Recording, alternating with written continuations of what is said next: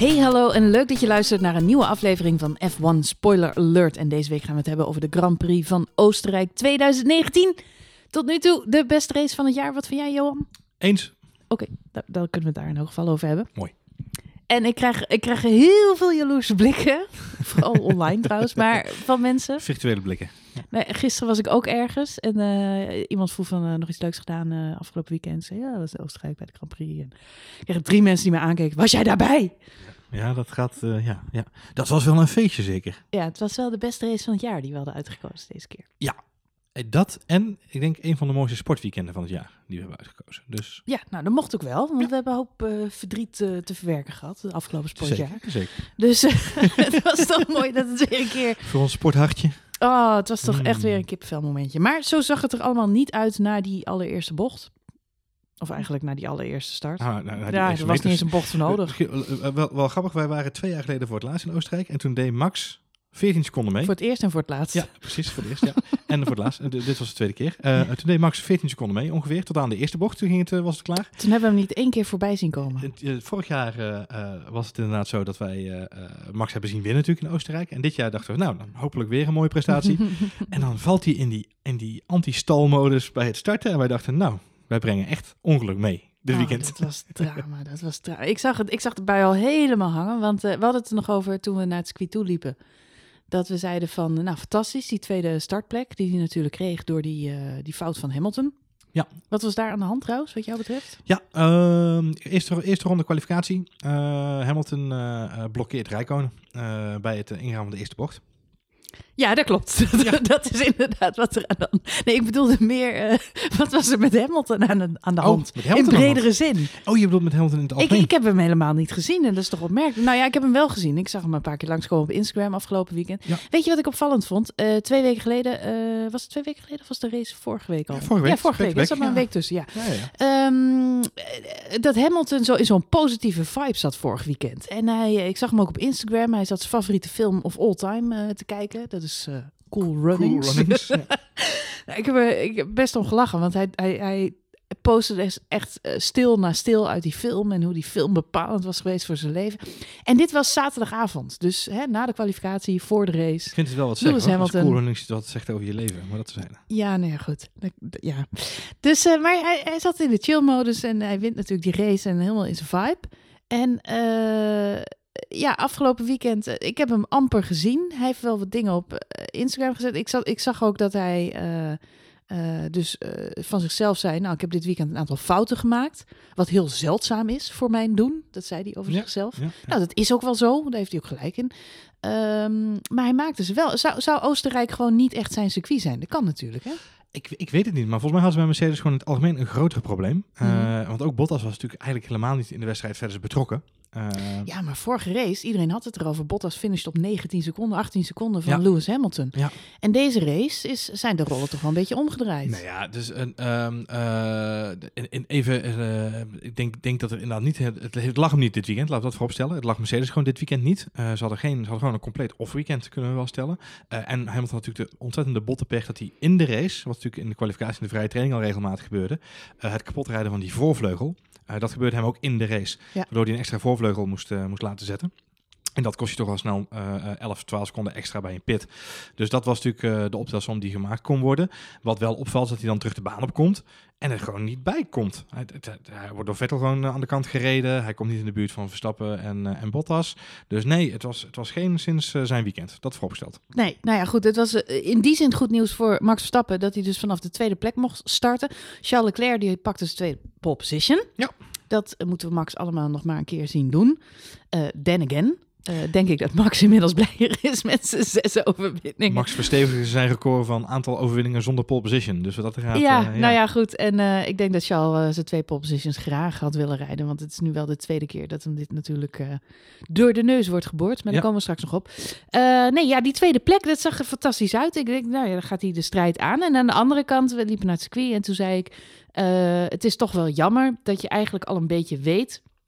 dat zodra de race gestart is, dat eh, de orde zich heel snel zal herstellen. Ja. Dat is een beetje wat je bent gaan verwachten na de eerste races van dit seizoen. Dat je denkt, ja, eigenlijk die hele kwalificatie, het is wel leuk. eh, Klopt. maar er is een soort volgorde in de Formule 1. En die gaat zich gewoon in een aantal ronden weer we, we, settelen. we weten dat eh, eigenlijk al sinds vorig seizoen hè, dat, eh, dat de top 6 is de top 6. En, eh, en, en dit, dit jaar is dat de top 5, want Gasly komt daar niet bij. Dus het is de top 5. Maar je weet eigenlijk altijd al dat na vijf ronden iedereen weer op zijn plekje rijdt. En dan, dan misschien nog hè, bij motorpech of bij eh, stomme stuurfoutjes of bij pitstopfoutjes dat er dan nog iets gewonnen of verloren Ja, we, wordt. hebben- eh, jij zegt inderdaad, ja, top 5. Maar Gasly pakt meestal wel die zesde plek. Maar hij, ik, wat grappig is, Gasly heeft volgens mij ook al drie, keer, drie of vier keer nu die snelste ronde gepakt. Omdat hij zo in niemands land rijdt. Dus Gasly, Pierre, snelste ronde Gasly is Ja. het inmiddels. Nou ja, oh ja, of Pierre net niet. Maar goed, dat is een ander verhaal. Pierre, nee, nee, niet Gasly. Pierre Gas niet. Nee. Goed. Ehm, nou ja, de, dus eh, dat zag er goed uit. Maar het ging natuurlijk helemaal eh, verschrikkelijk. Het was muisstil op de tribune. Ja, wij zaten op de welbekende Max Verstappen-tribune, zoals die dan wordt genoemd, in het midden van het circuit. Eh, de oranje golf die je gezien hebt. En, Kunnen we even, even over de sfeer? Want Ja, voor de dat- mensen die er niet zijn geweest. We zijn, we zijn vorig jaar zijn we naar Frankrijk geweest. Ik weet niet voor de mensen die die podcast nog zich kunnen herinneren. Paul Rickard. Paul Rickard. Ik kan het niemand aanbevelen. Eh, Nou, daar die- hebben ze massaal nou, daar geluisterd. hebben ze massaal naar onze podcast geluisterd. Want eh, dit jaar waren er 70% minder kaarten verkocht dan eh, vorig jaar. Ja. Dus erg veel lege plekken daar. Echter, Oostenrijk zijn we twee jaar geleden geweest. eh, zeiden we toen al dat het een ontzettend leuk eh, circuit is om heen te gaan. En ik moet zeggen, ik vond deze keer nog veel leuker. Ja, het, het, het is, ehm, eh, het, het, het ligt gewoon fantastisch, laten we dat vooropstellen. Dus eh, jij zei zelf al terecht, je komt aanrijden en het ligt zo tegen de bergen aangeplakt. Het, Het, het is zo prachtig. is, een pla- het is een plaatje. Het is een Het is plaatje. een plaatje. Ehm, en wat gewoon heel goed geregeld is, ja, de organisatie is gewoon heel strak en, Mhm. en netjes. En ondanks het feit dat er 203.000 mensen waren dit weekend, heb ik geen moment het gevoel gehad van, oh, we, we staan klem of we gaan nergens heen of het komt niet goed. We hebben nergens in de rij hoeven staan. Nee. nou ja, Eh, we, we- weet je, in de, niet in de rij staan. We hebben, we hebben in de normale files gestaan die je verwacht als je naar een parkeerplaats toe rijdt. Ja, nou ja, het was lang, hè, Eh, even rustig aan de parkeerplaats En- en op. Maar we hebben niet uren vastgestaan. Nee. Het is wel eh, ontzettend eind lopen. Want je moet je een beetje voorstellen voor de mensen die ooit bij Lowlands zijn geweest. Je wordt geparkeerd in een, in een grasveld, Ja. ergens in de, in de weilanden. En vanaf de weilanden moet je dan richting die bergen lopen. Eigenlijk die zo aan de horizon ziet. En op die berg, ja, daar ligt het circuit. Wat heel tof is, want je ziet het tegen de berg aan, Ja, zeg maar, liggen. tegenaan, en ja. die grote ijzeren boel die, eh, die daar staat, ja, die, die zie je al van heel ver af dat je daar dus heen moet. Dat was trouwens ook de plek waar onze tribune was, bij, Ja. die, eh, bij die stier. Voor, de rode stier. Ja. Dus, eh, maar goed, en dan is het inderdaad nog wel, nou, anderhalf kilometer lopen voordat je bij de ingang bent of zo. Dan loop je tussen de campings door, die er ook eigenlijk heel eh, netjes en goed eh, bij stonden. Complimenten daarvoor aan onze Nederlandse fans op Camping. Ja. Goed achtergelaten. Nou ja, je ziet ook dat er zijn natuurlijk heel veel georganiseerde eh, vakantiereizen tegenwoordig die kant op allerlei diverse organisaties. En ehm, eh, vaak zie je dat die ook gewoon tentjes leveren. Dus dan is het echt bijna een soort Eurokamp. Eh, staan ze allemaal, zeg maar. weet, je, weet je, kent u die nog? Eurokamp. Bestaat het nog eigenlijk? Geen idee. Ik ga het niet googlen nu. Oké. Ik ben even bezig. Maar, eh, nou ja, dus, dus die campings die zagen er eigenlijk ook heel erg leuk uit. En er zitten natuurlijk allemaal eh, mensen buiten met een biertje in de hand. Maar ik moet zeggen, de meeste mensen waren eh, eigenlijk wel snel op het circuit. En wat je Ja. zegt, 200.000 mensen, maar ik heb het niet gemerkt. Nee. Bij de toegangspoorten, het is een kwestie van scannen en je bent binnen. We zijn nog even naar de fanzone geweest op zaterdag. Ja. Eh, wat natuurlijk wel zo was, is dat het ontzettend heet was. Ja. Het was 30 graden op zaterdag, 33 graden op zondag. Heb je het al Maar, hè? Het was eh, 33 graden. Goed, ja. Ja, het, eh, 33 graden. Nou goed, nee, het was heel erg heet. Maar eh, ik, ik zag iedereen eh, heel veel eh, water drinken, heel veel bier drinken. Nou, wat als je dan, als je dan hebt over, als je dan hebt over, over, over ehm, goede en slechte dingen. Wat heel erg moeilijk is in eh, Oostenrijk is dat de fanzone die ligt omhoog. Dus als je aankomt via de main entrance eh, bij, de, bij de, de grandstand, de hoofdtribune, Mhm. dan moet je nog een heel stuk omhoog lopen. En dat Ja. is met deze temperatuur en zo'n grote groep mensen best pittig. pittig. Wat ze heel slim gedaan hadden, hè, dan weer even het positieve er tegenover zetten, Mhm. is van die tuinslangen met van die watersproeiers Ja. die tuinsproeiers. Ja. En daar kun je nog wel even onderdoor lopen, of even je petje nat maken, of je, je, je handdoekje wat je in je nek had liggen nat maken. Er waren ook overal van die, eh, van die eh, festival... Tenten, ja. nou ja, er, sowieso is er veel schaduw. Want het circuit ligt natuurlijk in de bergen, in de bossen. Eh, dus je zag heel veel mensen die gewoon aan de bosrand gingen zitten... eh, als er even niks te doen was op het circuit, om daar even te chillen. Nee, ik wou zeggen, ze hadden ook heel veel... eh, ja, ze hebben echt toiletten, van die, van die Ja. toiletblokken. En het zijn gewoon hele nette, dus niet van die... van die, van die plastic, Van die piskruizen. van die bouwketen die je op concerten vaak ziet. Nee, echt gewoon nette, complete, met, met doorspoelen en alles erop en En eraan. stromend water. En stromend water en kraantjes. Dus iedereen liep daar naar binnen om zijn baddoekje nat te maken. Er kwam ijskoud water uit die kranen. Ja. Fantastisch. Dus iedereen liep steeds zijn petje en zijn baddoekje nat Niet te om te maken. drinken overigens, Marjolein. Ik heb het niet, Nee, niet gedaan, hè? Nee, maar dat was dan ook weer zo. Je mocht gewoon je eigen drinken mee naar binnen nemen. Ja. Dus ik zag je, mensen met hele koelboxen, koeltassen, ik weet niet wat allemaal. Het was natuurlijk heel Het is belangrijk. veel organisatie eh, gewoon piekfijn geregeld. Nou, vanaf die fanzone is het dan inderdaad nog een heel stuk teruglopen naar die, naar die eh, middentribune. Volgens mij is dat, was dat een wandeling van drie kilometer alles bij elkaar. Ja, het was een pittige wandeling. Pittige wandeling. maar dat was, was, was goed te doen. Eh, uiteindelijk als je er dan bent, want dan heb je achter die tribune. En dat vond ik eigenlijk wel heel tof geregeld. Want dat was Mhm. dan, ja, wij noemen het nog steeds de Max Verstappen tribune. Dat, het heet gewoon eh, eh, tribune midden, volgens mij, in, de, in het midden. Mhm. Ehm, daar hadden ze eigenlijk een soort van eilandje gemaakt voor iedereen.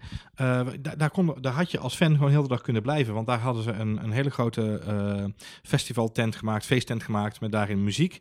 Eh, letterlijk en vuurlijk feesttent muziek, kan ik je vertellen. Ook van Nederlandse komaf. Speciaal voor ons geregeld. Eh, DJ Utsi was aanwezig om dat nog DJ even extra... Utsi, en die stond gewoon recht voor onze tribune. Hè? Lekker te draaien. Eh, maar in die tenten hadden ze ook gewoon drie of vier bars gemaakt. Ze hadden een hele grote keuken gemaakt waar je gewoon je, je, je broodje schnitzel of je broodje knakworst kon gaan halen. Geen gezeur met zakjes mayonaise, maar zelf tappen. Zo kon, kon ook geregeld worden. Ehm, dus dat was allemaal goed geregeld. De grote ijskooktent ernaast. Je kon daar je, je De geld... calippo's die vlogen de deur uit. de clippers vlogen om je oren.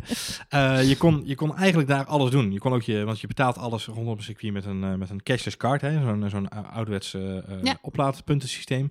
Eh, dat kon je ook gewoon daar doen. Dus als fan zijnde, als jij echt alleen daar was voor om met de Nederlanders samen eh, eh, op de Oranje Tribune feest te vieren, Ja. dan had je daar naartoe kunnen lopen s ochtends. Dan had je de hele dag kunnen blijven. Ja. Zonder dat je ook maar op het andere stuk van het terrein had hoeven te zijn.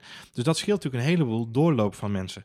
Dus ja, ook daar is gewoon heel slim over nagedacht. En, Nee, eh, klopt. Je had echt zo, ja, wat je eigenlijk zegt. Je had verschillende areas waar je kon zijn. En zo'n circuit is natuurlijk ook ontzettend groot. Alhoewel eh, Oostenrijk volgens mij het kleinste circuit op de Formule 1 een van de kalender kleinste, is. Ja. ja.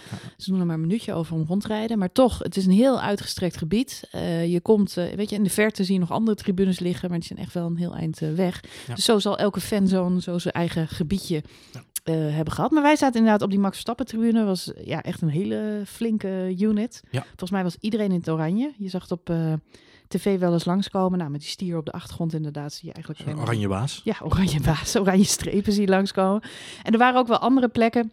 En met name de staangebieden, daar zag je heel veel parasolletjes. En dat, eh, dat waren dan meer de, de algemene fans. zaten de zou ik Duitsers. maar bijna zeggen. Ja, In een kuil. ja, allerlei verschillende kleurtjes en zo. Nee, ja, de, dus, eh, maar nee, sfeer was goed. Eh, iedereen was aardig voor elkaar. Eh, iedereen dat- zorgde goed voor zichzelf. ik Er werd veel zeggen, zonnebrand gesmeerd. In deze warmte, ehm, je kunt natuurlijk een hoop zeggen, maar in deze warmte met zoveel mensen, vooraf maak je daar een soort van gedachte over. Niet Ja. eens zorgen, maar wel een beetje, je denkt wel over na van let goed op. Maar dan valt me op, eh natuurlijk is het, is het een ander soort publiek dan bij andere sportevenementen. Ehm, en met name eh, de, de, de voetbalsport, om het zo maar even te zeggen. Maar de rust en de, de zorgzaamheid van mensen, eh, het beleefdheid naar elkaar toe. Ja. Even als Nederlands onderling. Jongens, mag stappen petje af. Goed gedaan. Want ik was echt, echt onder de indruk van, van de, de amicaliteit onderling. Heel fijn. Iedereen zorgt goed voor elkaar. Iedereen zorgt goed voor Ja. elkaar, inderdaad. Sfeer. Eh, en de organisatie zorgde ervoor dat dat ook gewoon kon. En dat zijn dingen die, ja, dat maakte zo'n weekend extra mooi. Voordeel van de tribune waar we zaten, terug naar de sportmarjolein, is het feit dat we op dat plekje waar wij zaten, eh, de auto's twee keer voorbij zagen komen. Ja, dat vond ik ook wel heel tof. Want vorige keer waren we, eh, zaten we op start-finish. Ja. Wat ook heel leuk was. En toen hebben Kijk je we... de pitstraat in? Kijk je de pitstraat aan in. Eh, ik kan me nog herinneren dat toen Niki Lauda er nog bij was. En dat ik die nog zag lopen. Dat ik dat echt super tof vond. Überhaupt om dat hele Formule 1 circusje zo een beetje van dichtbij mee te krijgen. Maar hier kreeg je veel meer van de race mee. Dit was echt een goede plek. Ja, wat, eh, wat we meekrijgen is ehm, bocht 3. dus bocht 3, eh bocht 1 is de bocht naar het eh, rechtstuk. Eh, bocht 2, sorry, dat is de bocht waar ze dan uitkwamen. Daar zagen we de auto's het rechtstuk op komen. Dan hadden we een heel mooi rechtstuk voor de Red Bull Grandstand langs.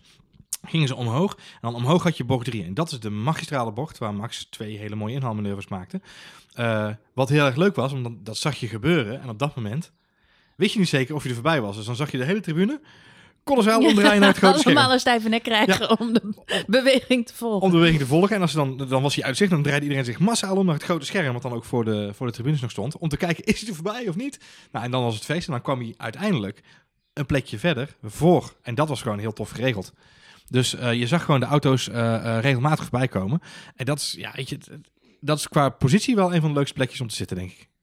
Ja, nee, dat denk ik ook. En ehm, eh, nou ja, sowieso, het, het zat niet helemaal vol. Het was eh, goed druk, Ja. maar er waren eigenlijk ook nog best wel veel plekjes vrij. Klopt. Eh, ja, wat, wat zou ik zeggen? Eh, de, eh, 70% vol, 30% vrij, zoiets. Ja, misschien iets meer. 80, 20 misschien inderdaad. 80. Maar het was, het was wel leger dan ik verwacht had, laat ik dat voorstellen. Ja, nou ja, goed, dat zie je op televisie niet. Maar in de praktijk is het natuurlijk wel fijn in die hitte. Dat je geen mensen direct naast je hebt zitten. Er zat steeds zo'n stoeltje tussen. Ik weet niet of ze dat bewust hebben gedaan... of dat er gewoon een paar mensen kaarten hadden gekregen bij, eh, bij een actie... en die toch niet waren gekomen.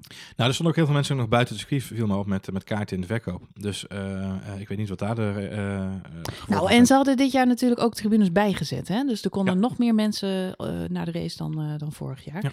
Ja. Maar goed, ja, nee, ik, het, het was fantastisch. Wij zaten, volgens mij had de tribune die wij, waar wij op zaten, had 40 rijen of zo. Wij zaten op rij Precies. 11. Dus Ja. we moesten ook echt een heel stuk naar beneden. Naar hele hoge tribunes. En, en het was alleen maar oranje. Alleen maar oranje. Bij de kwalificatie hadden mensen nog wel ook andere kleurtjes aan. Maar ja, voor de race had natuurlijk Dat kan natuurlijk niet, hè, de race. Nee. iedereen zich in het, Dan eh, matje in het oranje. oranje uitgedost. Wat trouwens erg leuk was bij de kwalificatie op eh, zaterdag, is dat wij nog even snel in beeld waren Ja. op televisie. Dat was natuurlijk helemaal te gek. Maar ons vak was, eh, was in beeld. Dus dat was een explosie daar.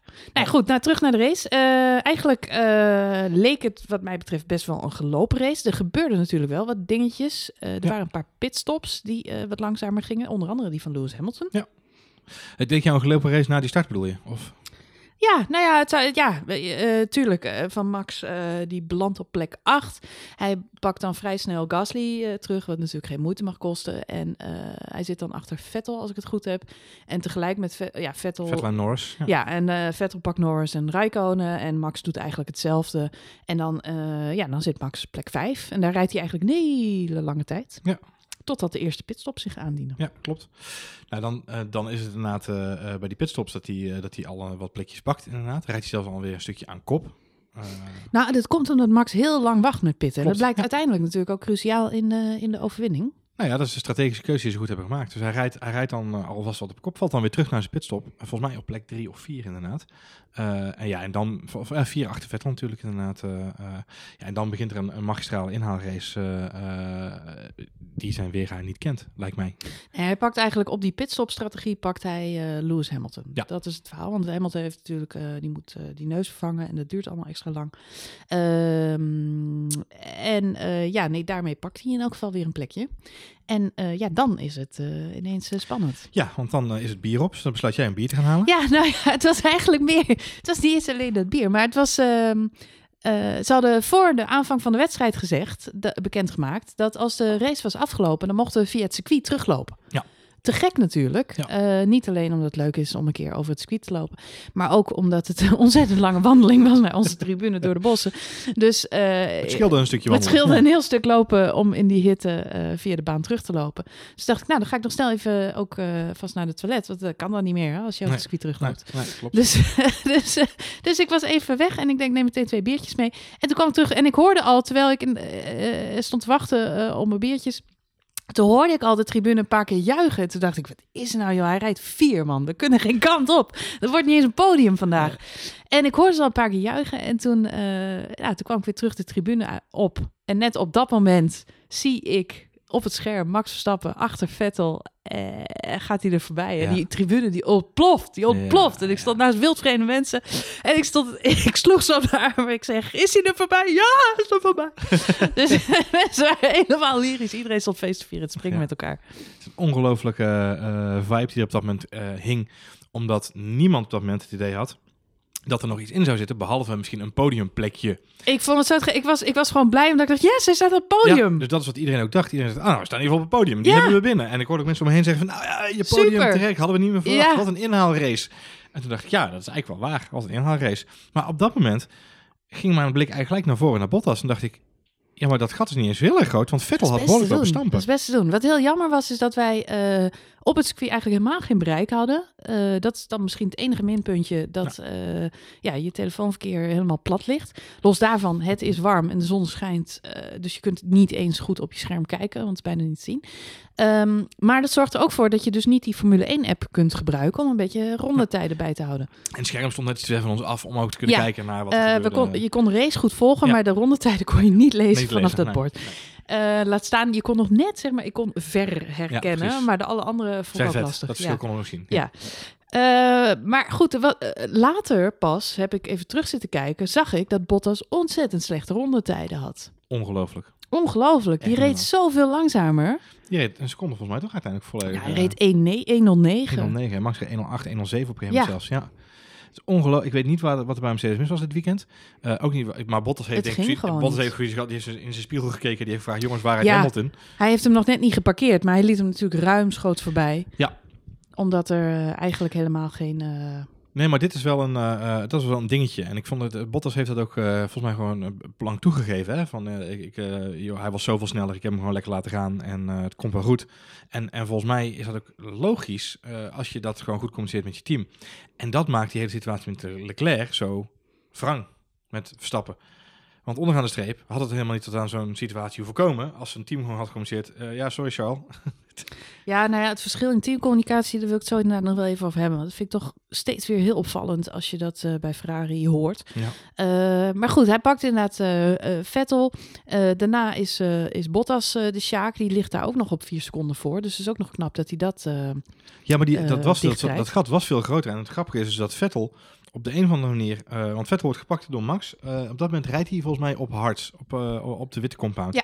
Ehm, en, Vettel duikt Vettel direct daarna naar binnen om beneden. soft te Ja. halen. Wat logisch is, want die heeft zoiets van, ja, dan ga ik gewoon verdedigen ten opzichte van Hamilton. Ja. Eh, dat heeft hij ook een verstandige keuze geweest uiteindelijk van Vettel. Ja. Alleen wat mij opviel is dat eh, Vet, ook Vettel op die, soft, oh, op, sorry, op die eh, harde compound zoveel sneller naar Bottas toe kon rijden. Want het gat was veel groter tussen Bottas en Vettel. Maar hij reed dat gat heel snel dicht. En Max zat natuurlijk achter Vettel aan. Dus daardoor eh, was het uiteindelijk, toen, toen hij voorbij was, nog maar vier seconden. En dan ga je rekenen, ja, dat gaat hij makkelijk redden als hij zo blijft trampen. Nou ja, wat grappig is, is dat ik eh, achteraf dus nog even die rondetijden per, eh, vooral in het einde, de tweede fase van de wedstrijd, eh, ben gaan kijken. En dat is dat ehm, eh, Bottas inderdaad 1.09, 1.10 zelfs begon te rijden. Dat was echt dramatisch. Ongelooflijk. En er waren eigenlijk nog maar twee snelle coureurs op de baan. En dat waren Vettel en Max Verstappen. Die allebei Ja. 1.08 en af en toe zelfs 1.07 konden rijden. Maar dan moet je nagaan dat Max Verstappen dus inderdaad op die hardste compound stond. En Vettel op de rode band. Dus ja, dat was bizar. Ja. Bizar dat je met die band net zo snel kunt rijden als zeg maar Vettel in een Ja. Ferrari op zijn rode bandjes. Ja. Dat is echt. nee, ik las toevallig vandaag ook een berichtje dat Christian Horner eigenlijk geen, idee, heeft Nee. waarom die Red Bulls ineens zo snel waren. Want ze hebben wel in de interviews na afloop van de race hebben ze gezegd. eh, eh, nou, hè, de, een nieuwe motorsetting en eh, we hebben weer upgrade gehad. Er is ook een nieuwe neus gekomen waarvan Max heeft gezegd heb ik meer downforce, dus is sowieso verbetering. Ehm, en er schijnt iets gebeurd te zijn met op het moment dat hij Bottas in ging halen, zegt hij over de boordradio I'm losing power. Ja. Waarvan iedereen nu beweert dat is codetaal voor upgrade the engine. Ja. Ja. want op dat moment gaat er een soort powerknop aan. Hij loost helemaal geen power. En hij zelt die Bottas voorbij met een snelheid die we nog Het niet is- eerder het hebben gezien. Zelfs als je terug ziet, ik heb van de week het filmpje nog een paar keer teruggekeken. Je hebt eh, eh, natuurlijk de race nog helemaal nagekeken toen Mhm. we eh, terug waren in het hotel. Eh S'avonds heb je de race nog even teruggekeken. Ik heb dat filmpje, dat, dat fragment, nog een paar keer teruggekeken. Je weet dat die boordradio van een paar momenten eerder is. Ik weet niet of het de volledige ronde is, maar ze zenden die, die boordradio's niet direct uit. Maar je weet dat hij dat hij wat eerder is gezegd.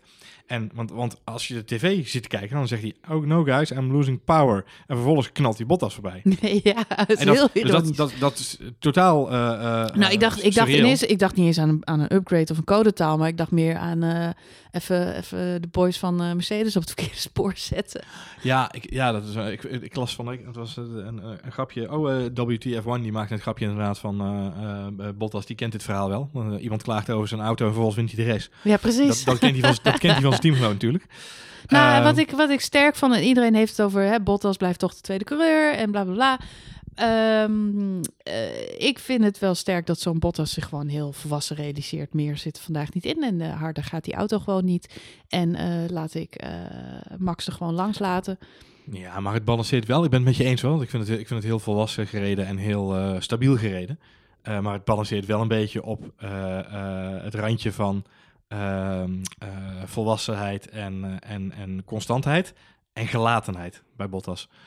Ja, zeker. Nou ja, goed. En wat mij heel erg opviel na de race, is dat ik Bottas eigenlijk heel eh, tevreden op het podium zag staan. Exact. Heel tevreden. En toen dacht ik, ja, hij heeft gewoon Hamilton verslagen vandaag. Dus dat hè, maakt niet puntje- uit. Zes puntjes ingelopen op Hamilton. Precies. Hij Het is even- gewoon ja. Prima, prima, de Bima. Ik denk, ik denk dat het ook echt zijn gevoel was. En dat, daarom denk zeg ik ik, ook. als dat zo is, en daarom zeg ik dat ook, daarom balanceert het voor mij een beetje op het randje van eh, eh, volwassen coureurschap en gelatenheid. Hmm. Als het dat laatste, het neigt dan naar dat laatste. Als je tevreden daar op nummer drie staat. Kijk, ik vind ook zoals eh, Charles Leclerc daar staat met een gezicht alsof hij zojuist zijn laatste oortje snoept heeft. Dat heeft hij dan ook een beetje.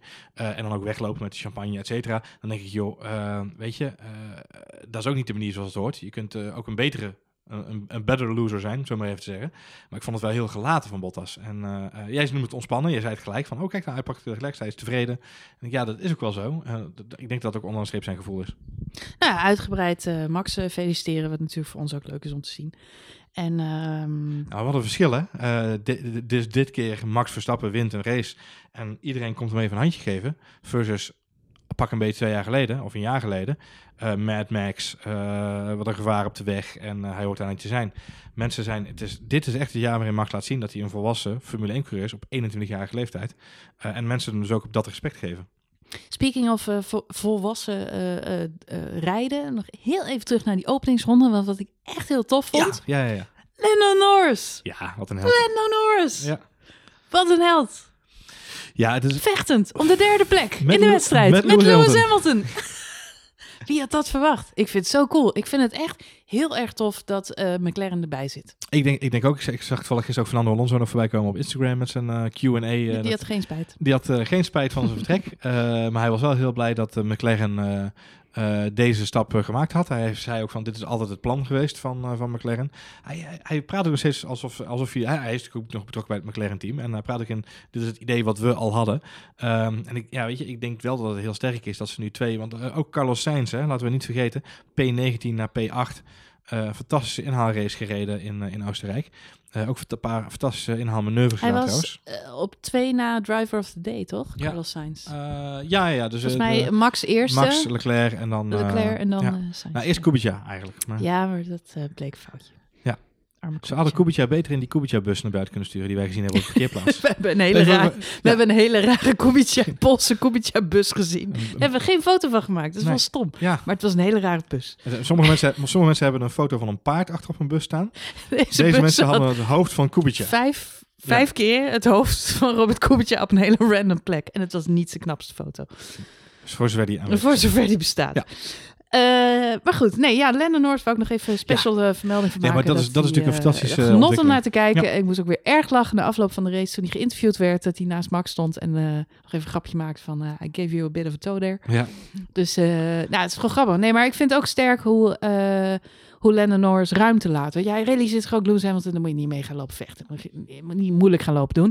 Maar het is gewoon wel heel cool om een keer in die top 6 überhaupt mee te doen. nou ja, zijn, zijn Eh. eh, battle met Kimi Räikkönen en eh, later ook Ricciardo. Ja. dat, zijn, dat zijn geen misselijke gevechten die je moet voeren met mensen die toch al een aantal jaren in die sport Hij meelopen. laat zich echt goed zien. Dus laat zich heel goed ik, zien. Heb, ik heb een stille, stille wens dat hij volgend jaar naast Max Verstappen in die Red Bull Ja. zou zitten. Dat zou ik Ja. echt heel tof vinden. Het wordt een beetje lastig. We hadden het dit weekend nog over inderdaad. En waar we het in de vorige podcast ook al over hadden. Dat, dat, natuurlijk een, dat ik ook voor mij een hele... dat dat echt direct zou vinden vanuit een mix-up van, van coureurs. Hij is natuurlijk wel heel erg verbonden aan het McLaren eh, jeugdteam. Ja, en aan de andere kant, ik zou het ook jammer vinden, want het zou betekenen dat hij voor het nummer twee plek naast Verstappen moest innemen. En dat gun ik hem ook niet. Nou, ik heb dat is- liever dat hij gewoon de strijd aan Dat is wel een beetje een dingetje. En dat is waar ik het eh, eh, met jou ook over had toen we naar eh, Oostenrijk toe gingen. Toen we er even aan het, aan het voorbespreken waren de komende weekend en wat er allemaal ging gebeuren. En een van de conclusies die ik wel een beetje heb is dat mensen die bij op dit moment bij Mercedes of Red Bull rijden, die rijden hun carrière aan de prut. Want voor Gasly geldt hetzelfde. Het maakt niet uit wat Gasly doet. Gasly zal altijd nummer 2 zijn. En hij zal altijd minder prestaties leveren dan zijn eh, eh, teamgenoot. Om de doodsimpele reden dat zijn teamgenoot gewoon echt het aller, aller maximaalste uit die auto weet te halen op dit moment. En daardoor eh, eh, dingen bereikt die hij niet kan bereiken met die auto. Eh, dus zelfs al zou hij niet de, de vormdip hebben die hij nu heeft, wat hij zelf ook toegeeft, dan zou hij nog steeds gewoon een probleem hebben om tegen Max Verstappen dat gevecht aan te gaan. Hetzelfde geldt een beetje, in, gelukkig in iets mindere mate voor Bottas, die dan dit weekend weer een beetje kan laten zien wat hij wel degelijk in zijn mars heeft. Maar feitelijk zou het voor Bottas ook veel beter zijn als hij bij een ander team zou gaan rijden en daar, stel dat Bottas nu in een McLaren had gezeten, ik noem maar even wat, eh, hoe zou dan het kampioenschap eruit hebben gezien? Hoe zou dan de Mhm, strijd eruit mhm. hebben gezien? Dus eh, dat zijn dingetjes waar je zo over kunt nadenken. Eh, weet je, is het, is het het beste voor je carrière om altijd maar als nummer twee ergens te gaan zitten? Nou, toevallig, ik had het afgelopen week met iemand over en toen kreeg ik het even over inderdaad die nummer twee positie en over Rosberg. Ah, ja. En dat, kijk, het, het is natuurlijk mogelijk binnen één team dat er twee meedoen voor de wereldtitel.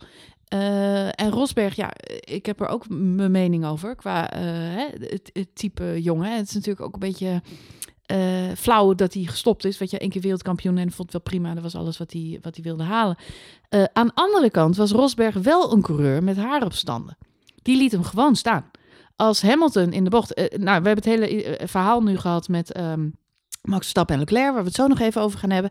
Eh, ze hebben, de stewards of meeting hebben daarbij gekeken naar een situatie met diezelfde Rosberg. Die eh, eh, samen met Lewis Hamilton daar ook een gevaarlijke move. Dat bleek uiteindelijk dus totaal niet dezelfde situatie als met Max Verstappen.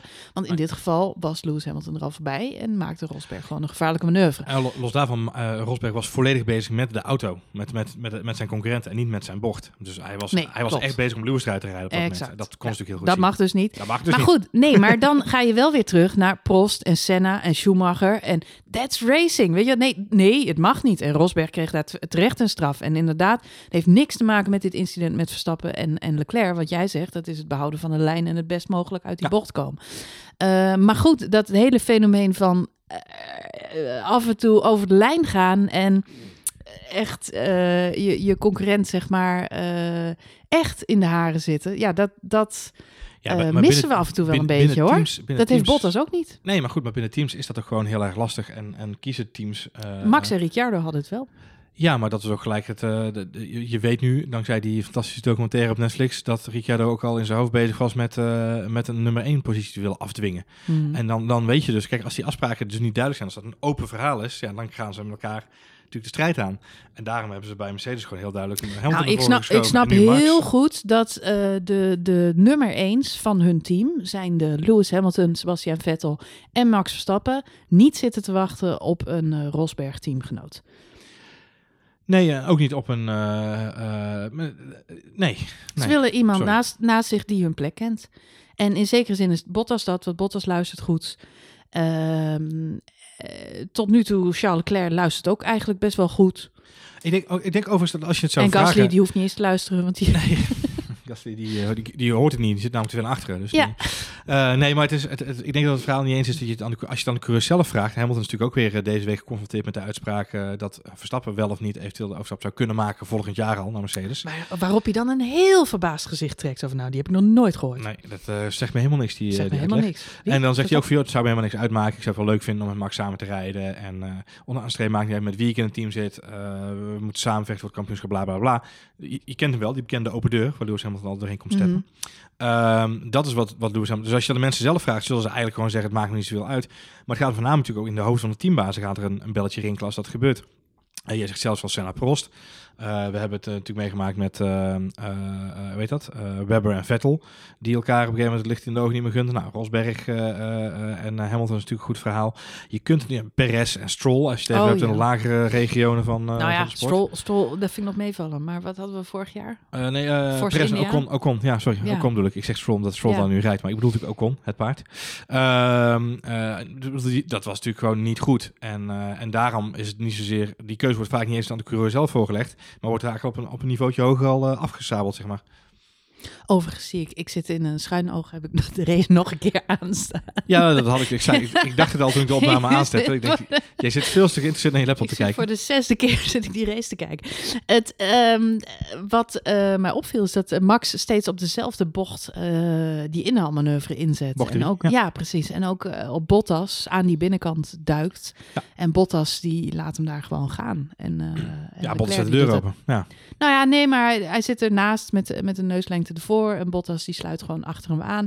En eh, wat veel coureurs hebben gezegd is, je probeert daar de binnenbocht te pakken en dan weer eh er beter uit te komen. De achterlangs te duiken eigenlijk. Alle, alle coureurs die dit weekend de race gezien hebben, die zeggen inderdaad, je pakt de binnenbocht. En degene die aan de binnenbocht eh, zit, eh, die wint. Want als je gelijk bent in de binnenbocht, dan heb je de apex. Dan heb je de apex eerder. En, eh, en heb je dus eh, eh, betere instuur. En de, degene die aan de buitenkant zit, kan dan alleen nog maar uitwijken. Of op je insturen. Nou, Charles Leclerc deed dat laatste. Eh, eh, en dus kun je wel zeggen, er is een racing incident. Maar ik denk dat heel stiekem we ook wel kunnen zeggen dat eh, Leclerc ook wel iets te rigoureus verdedigde daar. Misschien. Nou goed, laten we dan inderdaad maar meteen naar dat moment in de wedstrijd. Want we zijn Bottas voorbij. Er zijn nog vijf seconden te gaan en 15 ronden. dat lijkt mij op dat moment genoeg. Ik sta die tribune alles bij elkaar te, te schreeuwen. omdat het genoeg moet zijn. Het enige wat heel frustrerend is, is dat je die rondetijden niet kunt checken. Nee. Want je hebt geen idee of het inderdaad zoveel sneller is. Mijn truc was heel simpel. Er stond een paal bij ons voor de tribune. Ja, jij stond elke keer te tellen. Maar ja, zo werkt het in de Formule 1 niet. Vroeger deden ze het ook zo mooi, Lijn. Ja, vroeger deed het Jackie ook Stewart zo. is zo wereldkampioen geworden. Ja, Jackie Stewart is zo wereldkampioen geworden, ik weet het zeker. Ja. Eh, en dat was een beetje mijn meetmoment. En daardoor kom ik wel een Nou, beetje wat opvalt is dat hij, hij zit er vijf seconden achter. En dat duurt nog best wel lang. Dan is het 5,1, 5,0, 4,9. Dat je denkt, ah, gaat niet echt snel. Maar dan zet hij ineens de snelste ronde neer. Dan denk je, oh, hij is on fire. Hij is on fire. Weet je, dit, eh, zonder dat je dan, als je thuis tv zit te kijken, dan, dan wist je het waarschijnlijk al eerder. Maar op die baan, omdat je al, het is moeilijk inschatten. Van gaat het Ja. nou lukken, gaat het nou niet? Het lijkt, heel, het lijkt ook heel eh, surreal. Eh, surreal. De- Je Ja. ziet hem elke keer zo. Dan is hij nou dichterbij?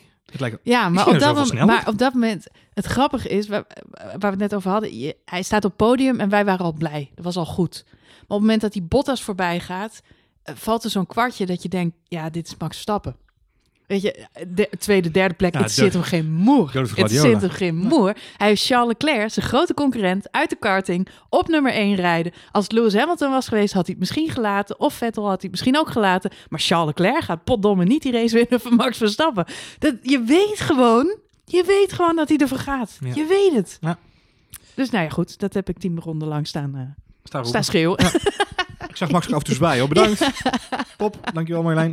Nou, het was een schattig, want er stonden een paar mannen zeg maar om ons heen. En die waren allemaal heel rustig en heel stil. Ja. Zo, maar die, ik zag ze wel lachen. Dus ik denk wel dat ze, Ze hebben, ze ze ook... eh, Are you not entertained? Yes, we are. En dat ze het ook wel leuk vonden. En ook wel een beetje. Maar misschien was iedereen heel zenuwachtig, dat denk ik. Ik word altijd een beetje schreeuwig als ik zenuwachtig ben. Oh, is dat het? Ja, dat is. Ah, vandaag. Maar goed, het duurde nog lang, want het was nog tien ronden eh, voordat eh, we bij de finish waren. Dus Ja. dan denk je ook, nou, het kan. Vijf seconden, tien tien, rondes. Ja, nou, dus is het goed te doen. Eh, dus hij kwam eh, erg snel dichterbij. En dan, eh, ze hadden wel veel achterblijvers. Maar ja, dat bleek eigenlijk ook alleen nog maar een voordeel. Ja, zeker qua DRS. op, op sommige momenten had Max gewoon, dat deed hij ook wel slim. Gewoon op de juiste momenten even die DRS meepakken. En, en Leclerc had daar natuurlijk de pech dat hij dan weer even moest afremmen. Dus hij, hij pakte op een gegeven moment een seconde in één rondje geloof ik op eh, Ja, hij was ontzettend snel. Nou ja, die rondetijden, als je daar dan eh, naar terugkijkt. Het grote verschil was natuurlijk dat Max veel later naar binnen was gegaan. Tien ronden, ja. Ja, ze hadden dezelfde eh, bandjes, maar die van Max die waren gewoon nog tien rondes nieuwer. Ja. Wat ook opvalt is dat Max in zijn rondetijden gewoon echt een machine is. Echt een machine. Horner die zegt het ook vaak na afloop. Hij zegt hoe hij zijn banden managt en hoe hij eh, eh, naar zijn rondetijden neerzet. is gewoon super constant. 1,082, 1,085, 1,083, 1,08. Weet je, er zit elke keer zo'n tiende tussen, helemaal niks. Als je naar Charles Leclerc kijkt, 1,08, 1,09, 1,08, 1,09. Weet je, Er zit veel meer variatie in. Dat had natuurlijk ook met die slijtage van die banden te maken op het laatst. Maar je ziet, eh, ehm, hij fluctueert veel meer. Hij is veel inconsistenter in de rondetijd die hij rijdt. En Max is gewoon, nou ja, alsof je naar een, ja, alsof je naar een machine zit te kijken. Het heeft Ja. een, een ritme, een cadans. Een, eh, ja, en dan weet je, als je, als je op die pitmuur zit, dan weet je ook al gewoon. En dan even dat verschil in radiocontact, waar we het Ja. net ook al over hadden. Eh, Max haalt Bottas in en die krijgt dan eh, over de radio te horen. eh, Game on. Game on. Ja. Nou ja, goed, dat, hè, dat zien wij dus op de tribune ook. Je Ja. ziet gewoon eigenlijk Je- In zijn je- je- helm Je, hoort de weet. Ja, precies. ja, je weet gewoon dat daar nu echt, die gaat er vol voor. En die, die gaat niet zitten afwachten op plek 2, dat weet je. Charles Leclerc, die krijgt eh, te horen als Max één seconde achter hem zit. Ja. Nee, niet eens één seconde, hij zit achttiende. Ach, hij zit al in de DRS. Krijgt hij van zijn team te horen, Verstappen behind you, one second, Ja, no pressure. ja precies. Ik vind dat hard voor zo'n jongen. Zijn reactie was overigens, leave me alone. Ja, dat, ook dat. En er is maar één iemand die dat mag zeggen, en dat is Kimi. I know what I'm doing. Leave me alone. Ja, maar het, eh, ja, goed. We hebben eh, sport, is- eh, ja. Nee, maar nogmaals, het, is, het, is, het- gaat ook veel over de communicatie met zo'n zo'n jongen. En inderdaad, we, we horen natuurlijk niet alle boordradio. Dus hij krijgt de waarschuwing, Verstappen één second, leave me alone. Dat is een frustratie die je al terug hoort Mhm. in zijn stem. omdat hij ook weet dat hij een gelopen race rijdt op dat moment. Hij weet ook, hij, Hij ziet die, hij hoort die rondetijden ook. Hij ziet ook, hij rijdt langs dat pitboard, hij ziet die tijden daarop Hij, zi- hij heeft die vijf seconden al wegzien eh sneuvelen. smelten. Exact. Dus, eh, En hij weet op dat moment, Verstappen is, eh, en we hebben het hier nog even na afloop van de race ook over gehad, Verstappen heeft die extra jaren Formule 1 ervaring. Verstappen staat bekend om, het, nou, om zijn consistentie in, in rondetijden, maar ook in zijn Mhm. consistentie qua bandenmanagement. Ja. Wordt hij ook hoog voor geprezen altijd. Tien ronden latere banden, plus beter bandenmanagement, plus betere constante rondetijden. Dus Leclerc weet gewoon, ik zit tegen een machine aan te rijden die ik niet kan verslaan.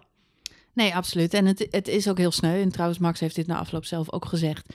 Eh, Zo'n jongen rijdt 68 ronden lang aan kop. 68 ronden, heeft al het zware werk gedaan. Het is helemaal niet leuk om een race van start tot finish te rijden. We hebben het Max één of twee keer zien doen nu. Eh, dat waren de saaiste races eigenlijk. En voor de fans ook redelijk saai. Het is helemaal niet leuk. Daar word je wereldkampioen mee, maar het is niet het leukste van de sport.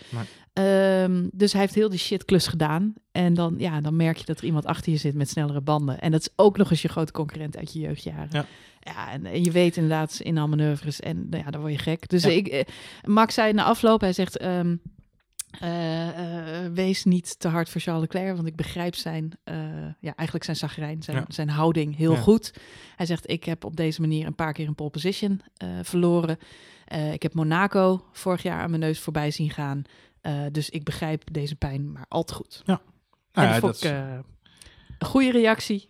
Ook wel een beetje nou, een sneer natuurlijk. Maar eh mij bedoelt het vast ook goed. Ja, nou ja, kijk, je moet, eh, het, eh, ik denk dat hij het goed bedoelt uiteindelijk. En voor Leclerc is het waken dat hij niet eh, eh, zichzelf te veel op stang jaagt. Want voor je het weet is hij de nieuwe Nico Hulkenberg. En eh, eh, is het de grootste belofte die het nou niet gaat redden. Ik denk niet dat het zo'n vaart zal lopen bij Charles Leclerc. Want hij is goed genoeg daarvoor. Max voegde daaraan toe auto. dat eh, Charles Leclerc dit jaar zeker zijn eerste race zou gaan winnen. Ja, zeker weten. Dat gaat nog wel lukken. Dat gaat absoluut gebeuren. Mits, mits ook, eh, maar goed, dan moet hij wat vaker leave me alone zeggen tegen zijn, tegen zijn stratege in de pitstraat. Want die, die verpesten het vaak voor hem. Dat is, eh, dat is wel aan de hand. Nou ja, goed. ehm, Weet je, eh, volgens mij is, eh, eh, eh, is het gewoon eh, zaak om, om vooruit te kijken. Want dit is nu een, een hele mooie overwinning voor Honda. De eerste in 16 jaar. ja, en, En de tweede, tweede in in 27 precies. jaar. Dus volgens mij is het heel belangrijk om, ja. om vooral te kijken wat Honda nog meer kan gaan bereiken de komende maanden. Ja, nou ja, eh, Helmut Marko heeft eh, vorig jaar al in de persconferentie gezegd dat hij Honda vijf overwinningen heeft eh Was ook beloofd. in een persconferentie echt, hè? Ja, ja, ja, dat heeft hij dit weekend dus nog een keer herhaald. Hij zegt de eerste is binnen, nu nog vier te gaan dit seizoen. Ehm, hij had het over eh, motor upgrades, in elk geval rond de Grand Prix van Spa en Monza. Ja. Eh, maar ja, het lijkt er toch ook op dat er een of andere power mode is opengegaan dit weekend. Ik weet het die ze niet. nog nooit eerder hebben aangedurfd. Eh, ik, ik heb zelf het gevoel dat ze een soort alles of niets knop hebben aange- aangedaan. Zo van, we gaan voor de dood of de gladiolen. Of we winnen die race of we vallen uit. Het zou me niet verbazen als de party mode gewoon aangemeld hebben van de... Ja, maar als dit de party mode is, dan belooft dat natuurlijk heel veel goeds voor de rest van de Formule 1 seizoen. Ja, dat nou moet waar. ik wel zeggen dat ehm, eh, de Red Bull Ring is natuurlijk een typisch circuitje. Eh, met alle respect eh, voor dat circuit, maar het is een hele korte baan. Dat betekent dat je weinig hele lange rechte stukken hebt. Eh, juist op die lange rechte stukken zijn de Ferraris en de Mercedes natuurlijk altijd eh, super sterk. Vooralsnog wel, maar als je dit weekend ziet, dan vind ik het gat was toch minder groot dan ik gedacht had in de race. Nou, dat is mijn punt. Dat dit Ja. dus een korter circuit is. Met Ja. weinig eh, kor- eh, Echte lange, lange stukken. echte Ja, lange oké. rechte Ja, stukken. ja, ja, het is ja, een, ja. een baan waar je in een minuut rij je rond. Eh. Ja. Pole position was 1 minuut 3. dus ja, dit was gewoon een. eh, Het is niet alleen het thuiscircuit van Red Bull, maar het is ook een circuit waarop ze een groot voordeel hebben. Juist omdat het een beetje. Ja, dinky toy circuitje is, zou ik maar zeggen. maar eh, ja, dat, dat heeft eh, ja, voor de Red Bull in elk geval grote voordelen. We komen, straks komen er weer een paar races met hele lange rechte stukken. Ja. Dan zul je echt zien dat de Mercedes en de Ferraris weer eh, voorsprong hebben. Maar ik vind wel, ik ben heel benieuwd. Ik hoop dat Honda nu iets gevonden heeft. Wat grappig is, is dat ze juist bij deze race dus met een hele grote delegatie Japanners aanwezig waren. Ja. Eh, het leuke is, na afloop van de race mochten we dus allemaal het circuit op. Eh, zijn we allemaal naar de sta- ja, start-finish gelopen. En dan, eh, dan mag je dus daar bij de pitstraat staan te kijken. Wat erg leuk was, we stonden daar met nou, een paar duizend oranje fans of zo. Ja. Eh, om eh, hè, de podiumceremonie, ik zag Max nog net met zijn, eh, met zijn prijs zwaaien. Ja, je zou net even zwaaien inderdaad. Ja. Dus ja, het is natuurlijk een, een takkenend lopen om, om helemaal daar, te komen. komen. Maar goed, het is, wat wel heel tof is, is dat je dan tegenover de pitboxen staat. En dan zie je de hele crew opruimen. Jos Verstappen liep daar rond, die werd daar geïnterviewd. Ik zag Sven Kramer nog lopen, die was uitgenodigd. En meneer Jumbo, die was er natuurlijk bij. Maar ook een hele delegatie Japanners Ja. van, van Honda. Die, eh, nou, die waren echt de koning te rijk. Die liep alleen maar selfies te maken. Ja, uit, ja. eh, Ja. Blij en zwaaien naar de Nederlandse fans. En het is wel grappig, want Japanners zijn zelf natuurlijk ook een beetje zo. Eh, enerzijds zeggen we altijd van, oh, dat zijn van die ingetogen Aziaten. Maar Japanners, nou, wie een beetje Japanse cultuur kent, die mensen zijn ook heel eh, extravert en Ja. een beetje eh, nou, kinderlijk eh, enthousiast af en toe. Dus dat hele oranje feest, nou ja, het is bij uitstek een visitekaartje voor, voor het Red Bull team. Je Ja. zag ze glunderen van oor tot oor. Ze hadden allemaal tranen in de ogen. Dit was een heel bijzonder moment voor Honda.